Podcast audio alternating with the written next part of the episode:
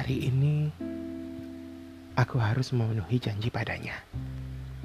Setelah gajian, kita akan makan di restoran Jepang dengan menu makanan seperti mie besar dengan beraneka kuah serta isian. Di atas gerai tersebut ada tulisan udon. Apakah itu namanya? Minggu lalu, dia meminta padaku. Setelah gajian, kita makan di restoran yang ada tulisannya udon itu. Habis gajian kita makan di sana ya. Katanya sambil menunjuk sebuah gerai makan di mall mewah tempatnya dia bekerja. Tapi harganya mahal nggak? Tanyaku padanya. Dan dia mengangguk dengan wajah sedikit meringis. Tapi kan kita tidak tiap hari makan di situ. Lagian kamu memang lupa ya. Pas gajian akhir bulan ini, adalah hari jadi pernikahan kita yang ketiga. Dia berkata dengan matanya yang berbinar penuh harap.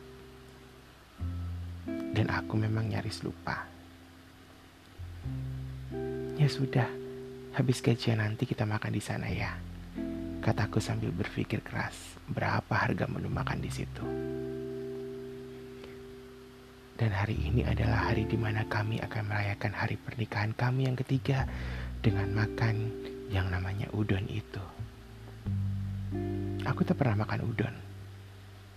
Di kampung kami menyebutnya bakmi. Tapi ini besar-besar, agak berbeda dari mie di kampung. Mungkin di Jepang seperti itu bentuknya. Kuhampiri dia yang sudah menunggu di depan lobi mall mewah tempatnya bekerja. Wajahnya berbinar, Binar gembira di wajahnya membuatku tersenyum. Dan kami berjalan menuju gerai tersebut. Kami memesan menu yang kami sendiri tak bisa mengucapkannya. Dan kami hanya menunjuk ini dan itu. Kami memesan menu yang sama dan dua buah gorengan yang harganya bila aku membeli di pinggir jalan bisa dimakan satu keluarga. Setelah membayar, aku tersenyum harganya cukup mahal buat kami. Namun ini hari bahagia kami. Tak mungkin aku merusaknya dengan keluhan harga yang mahal. Padahal jumlah yang kubayarkan mampu dibelanjakan untuk kami memasak makanan selama dua hari. Tapi tak mengapa.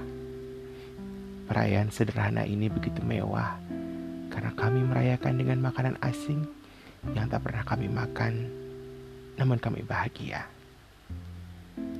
Sederhana